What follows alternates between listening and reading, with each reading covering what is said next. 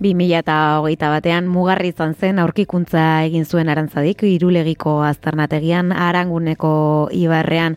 Sorioneku hitza antza esango dugu behintzat. Irakurtzitekeen brontzezko pieza berezi bat topatu zuten arkeologoek irulegiko eskua izena daramana. Orain arte dokumentatu den epigrafia baskoiaren lehen testua osa litzakena.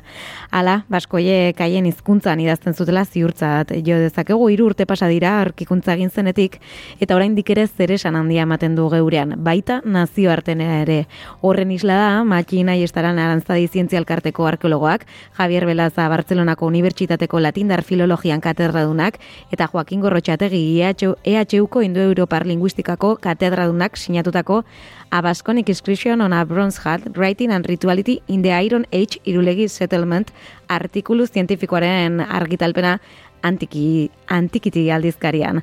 Artikulu horren sinatzaietako bat dugu geurean, Matxin aiestaran, zadiko arkeologoa. Eguno, Matxin.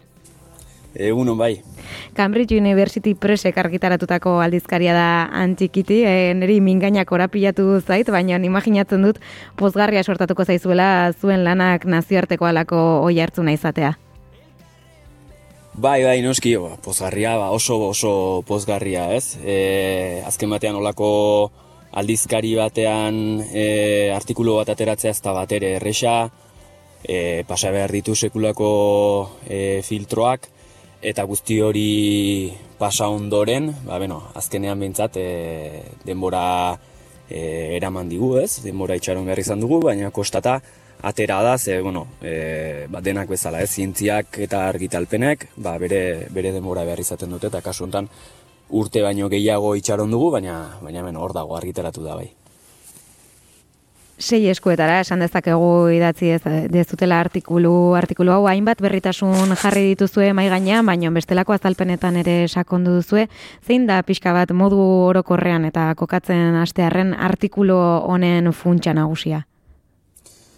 Ba, artikuluaren funtsa, e, artikulu hau bera da, pixka bat e, gure egin genuen aurkezpeneko, e, ba, bueno, mamia agertzen duen artikulua, ez? Guk garbi genekien, e, isiltasun horren ostean, eta noski ez, isiltasun hori e, ba, guztiz beharrezkoa izan zen, hain justu artikulu hau egiten joateko, ez? Eta hemen aurkezten duguna da, e, ikuspuntu oso arkeologiko batetik, e, baditu ez, hanka bat baino gehiago aferak, baina batez ere ikuspuntu e, arkeologikotik, e, eskuaren beraren e, aurkikuntzaren testu ingurua, eta gero noski, ba, e, ba, gure taldean e, agertu diren, e, ba, alderdi epigrafikotik eta alderdi linguistikotik, ba, egin, egin daitezken hurbilketa horiek, ez? Beraz, e, ba, benetan kontentu gaude, e, beste argitalpenekin e, alderatuz badu pixu gehiago batez ere e, arkeologiak eta hori bueno, pixka bat talde hontan gehiago niri dagokidan kontua da, eta beraz ba, oso kontentu.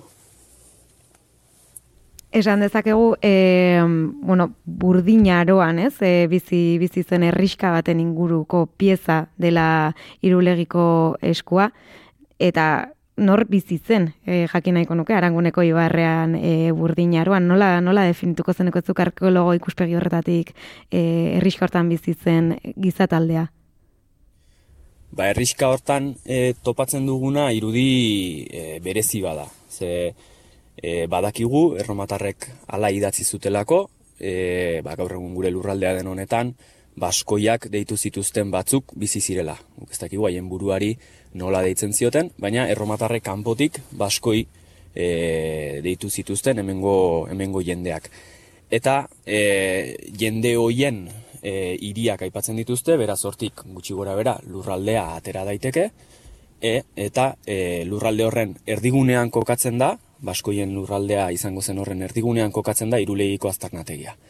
Beraz, garai konkretu horretan, e, ba, badirudi erromatarrek baskoiak deitu zituzten hoiek bizi direla hor, eta e, burdinaro amaierako e, jendarte bat ikusten dugu, ez dena e, ba, guztiz ezberdina gainerako Europako gainerako burdinaroko jendeari e, jendearekin alderatuz, baina badituenak ere noski e, bere, bere zitasunak ere bai. Badio, badio zuen, nolabait, e, irulegi suntxitu eta abandonatu izanaren zantzuak argiak argiak direla. Zertan oinarritzen zarete hori baiestatzeko edo zer zen bertan gertatu zena zuen ikerkuntzen arabera? Hau, aurrerago aterako den eta eskuartean dugun beste lan batean gehiago sakonduko dugun arren, ba, pixka bat eskuari bere testu ingurua emateko, ba, gertu erakutsi behar izan ditugu, ez, e, piezan, piezaren bat edo beste, eta testu ingurua oroar, orokorra, azaldu ere bai. Eta guk ikusten duguna da, e, irulegi bertan, badirela, e, bizitza luzez egintzela, e, ia amar mendez bizi izan zela bertan jendea, eta azkenengo erriska hau, hau dela, e, eskua agertu den erriska hori. Eta erriska hori, suntxituta e, iritsi zaigula, eta suntxiketa horren ondotik ez dela e, gehiago bertan habitatu o bertan inor bizi izan. Suntxiketa hau ikusten dugu nahiko garbi e, ba, suaren aztarnari aztarnei begira, bez, erriska erreta ageri delako, e, armamentua ageri delako, eta e, zantzuak e, ez dira istripu batenak, baizik eta intentzionalki eta gerra testu inguru batean emandako gertakari latz baten e, isla dira. Eta gertakari horrek, e, beraientzako tragedia handi baden izan zen, gertakari horrek, e, bain justu egin du posible irulegin e, ba horrelako konservazioa edukializatea. E, esan dezakegu, akaso, irulegiko eskua pieza oso berezia dela, e, elementu asko daude ez, eta arkeologikoki ere argudio asko daude hori esateko, baina akaso ba e, gizartean zer esan handiena emain zuena izan zenez, zer e, zein hitz edo zein hitzez hobe esan da e, zituen e, grabatuta, nola baita esatearen esku edo pieza, pieza horrek, eta zuek artikuluan azterketa linguistikoari dago ez ere bi berritasun e, mai gaineratu dituzu zeintzuk izan dira berritasun horiek eta eta nola iritsi zarete gutxi gora bera ondori horietara. Bai, bai, patzen izun bezala, e, artikuluak baditu eta ikerketak berak baditu hanka bat baino gehiago ez, lehena arkeologikoa da eta hori kontutan eduki behar dugu e, brontzezko esku bat dela, bere azkazal eta guzti, eta brontzezko esku bat eta non agertu den, etxe baten suntxitua izan den, etxe baten sarreran, hiltzaturik, seguraski erakusgai e, jarrita. Beraz, testu inguru hori, e, hor dago, gero, noski, testu bat dauka, eta e, hori da, lehen aipatu duzun bezala, e, momentuz, dugun, e, lurraldean dugun testurik e, zaharrena, bai, hasi eta buka, e, asiratik bukaerara ulertu daitekeena, hau da, e, jarraitu daitekeena irakurketa bedere, eta e, idazkerari begira ikusten dena, badela idazketa berezi bat. Ez dela e, iberiera, baina iberieratik e, eratorritako idazkera bat dela iberieratik egokitutako idazkera bat da beste hizkuntza bat idatzializateko. Beraz, hor badugu beste hizkuntza baten lekukoa eta e, noski hipotesia da, gure hipotesia da bertakoa dela, hizkuntza hori bertakoa dela, ba, agertzen diren idazketaren e, ezaugarri horiengatik. Eta bertako hizkuntza hori, jada eta bain sartuko nez pixkat e, afera linguistikoan ez, hori zer den, ba, hor, hor dago pixka bat e, zalantza eta egia da, e, ba, testua honen hizkuntza era bat e, argitu alizateko, ba, dudari gabe behar dela korpus zabalago bat, baina gure lanean, ba, no, e, maneiatzen dugun hipotesia eta Joakin eta Javierren e, eskutik doa ez, guk lotzen dugu e, ba, Euskararen aurrekari izan ziteken zerbaitekin ez. Eta hemen dago galdera ez, zer da eskuan dagoen hau, e, egungo Euskararen amatxi da, e, egungo euskararen izeba da edo edo lengusina da. Bueno, hori jakin alizateko eta gainerako hizkuntzekin dituen harremanak jakin alizateko, e, noski testu gehiago behar dira, korpus handiago bat behar da eta eta hortarako, ba, lanean jarraitu behar dugu eta eta berriz ere ba zorte aukan. Horrela ere egin dituzue zehaztapen batzuk ez, sorion, sorioneke eta sorioneku bi hitzak agertu dira modu ezberdinean grabatuan nola baite esatearren.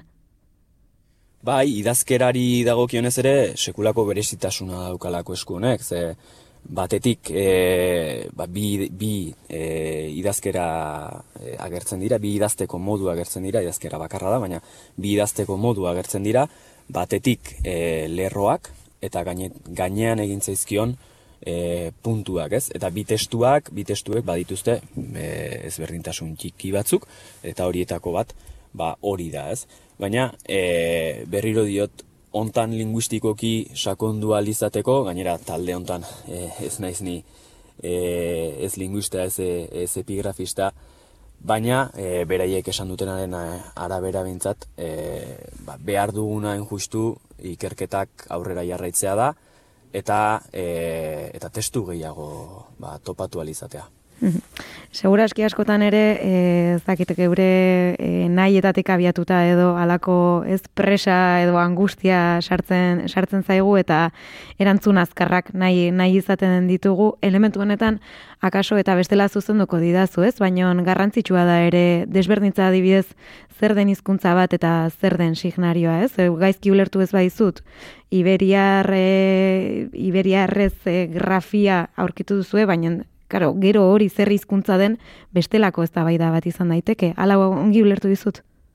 Bai, bai, bai, horixe da, horixe da gakoetako bat, ez? Eta justu Iberiar e, grafia, bueno, Iberiar idazkera e, era bat ez da Iberiar idazkera.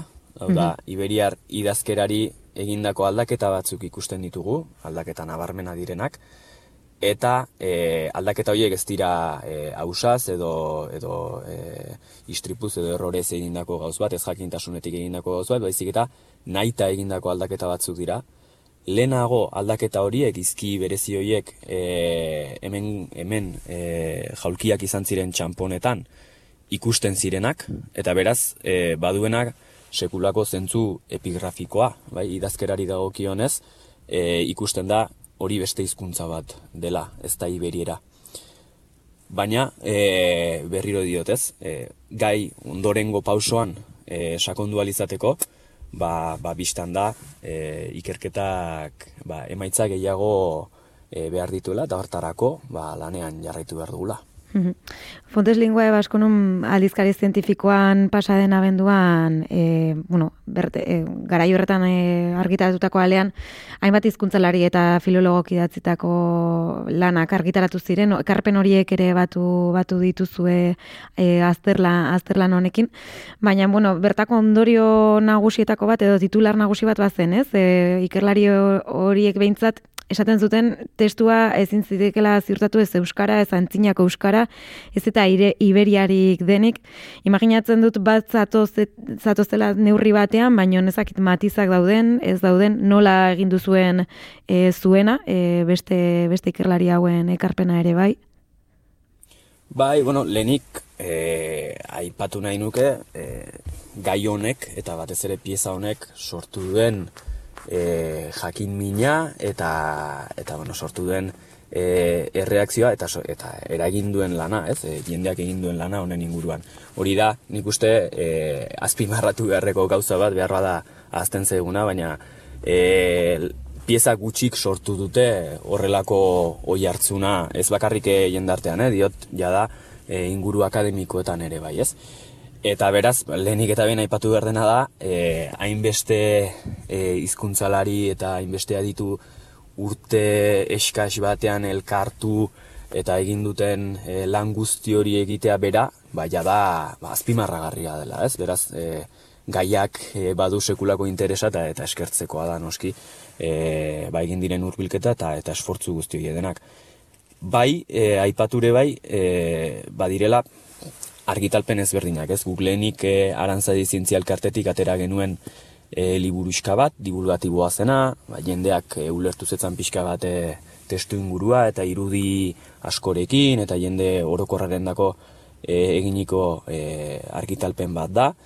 Gero badago, paleohispanikako e, egin genuen, gugeronik egin genuen e, artikulua, pixka bat antikuitikoaren e, parekoa dena, baina e, bueno, ba, filologian eta eta epigrafian gehiago sakontzen duena eta ezain beste arkeologian antikuiti honek bezala. Eta paleospanikarekin batera atera zen, aipatu duzun, Fonteseko mm ba, bueno, gehigarri hori eta horrat azaldu ziren artikulu guzti guzti horiek, ez? Eta ba, berriz ez, eskertzekoa dela, ze, ze lan egin den, eta batez ere e, kontutan eduki behar dela nola egin den lan hori, ez? Joakinek berak, gure taldeko filologoak berak, e, e, bilduriko e, ba, bilera baten ondorio e, da, Fonteseko akta horiek, eta beraz, ba, ez, lanak jarraitzen du bere, bere bide naturala, ez, lehenik badago e, aurkezpen bat, badago e, herritar hartze bat, ez, gai horrena, badago argitalpen bat zientifikoa dena lehen hurbilketa bat, balio hispanikan agertzen den hori, eta horrekin batera badago e, nolabait e, kontraste bat gainerako ikerlariekin. Antikuitikoa lehenago e, atera, behar, atera behar bazuen ere, ba, pixka bat gehiago e, luzatu da, ba, batez ere... E... Bai, Makin? Badirudi konexio arazaren bat agola?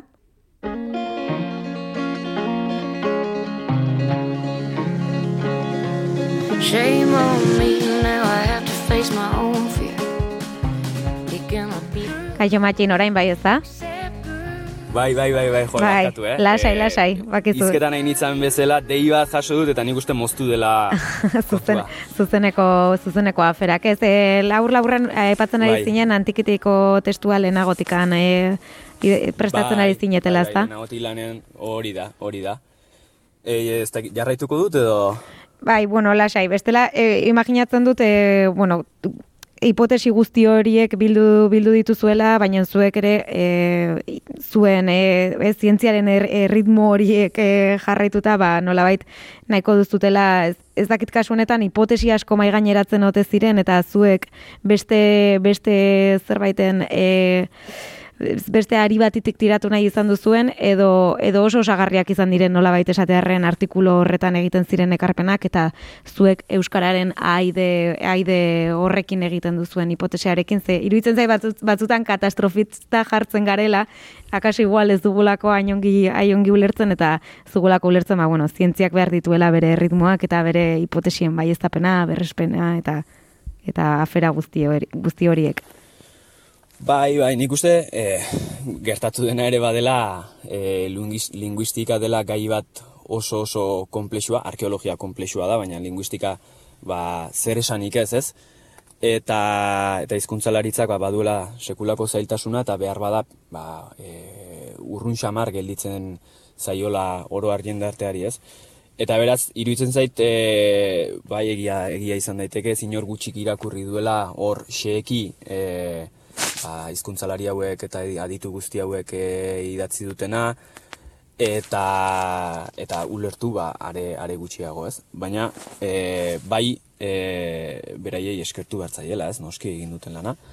Eta eta e, berriro diot, ez? E, eztabaida linguistiko hori e, konpondu dadin edo edo hortik e, ba argi pixka bat e, izan dezaten hizkuntzalariek ba, beharrezkoa dena dela e, ez testu bakar hau edukitzea, baizik eta gehiago edukitzea. Mm Zentzurretan beraz, imaginatzen dut ere, e, ikerketak eta baino baita ere, e, bueno, eremuak e, zabaldu, zabaldu barko direla, ez da? E, inbertitu barko dela arkeologian, inbertitu barko dela, bestelako ere ba, pieza gehiago ere lortu, lortu alizateko, e, ba, nolabait, ba, baliabide edo korpuse falta hori ere horrekatu alizateko gutxinaka edo oso zaila bote den hori zuk esango diazu hobe. Ba, pentsa, irulegiko eskua agertu den arte e, pentsa ezina zen, ez, ez genuen amestu ere egiten horrelako testu bat egon zitekeenik ere eta eta orain ikusten dugu posible dela e, beti ere e, aztarnategiek aztarnategiko konservazioak eta e, ba, beste gai batzuek laguntzen badute, ez?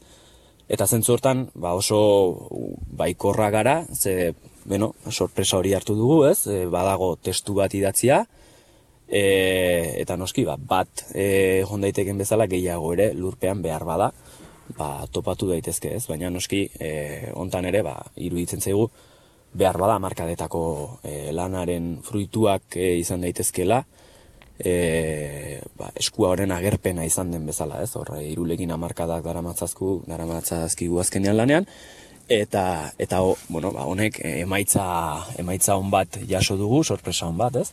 Baina atzean ba dauka urteetako lana eta noski ba bueno, gu, gu baikorra gara bai bai. bueno, ba esku gehiago edo pieza gehiago agertu bitartean, e, ziur emankorra izango dela oraindik ere irulegikoak e, duen bidua, bidea jorratzeke. Zure hausnarketaekin e, agurtuko zaitugu matxina estaran eskerkasko azalpen guztiengatik. Mi esker zuei.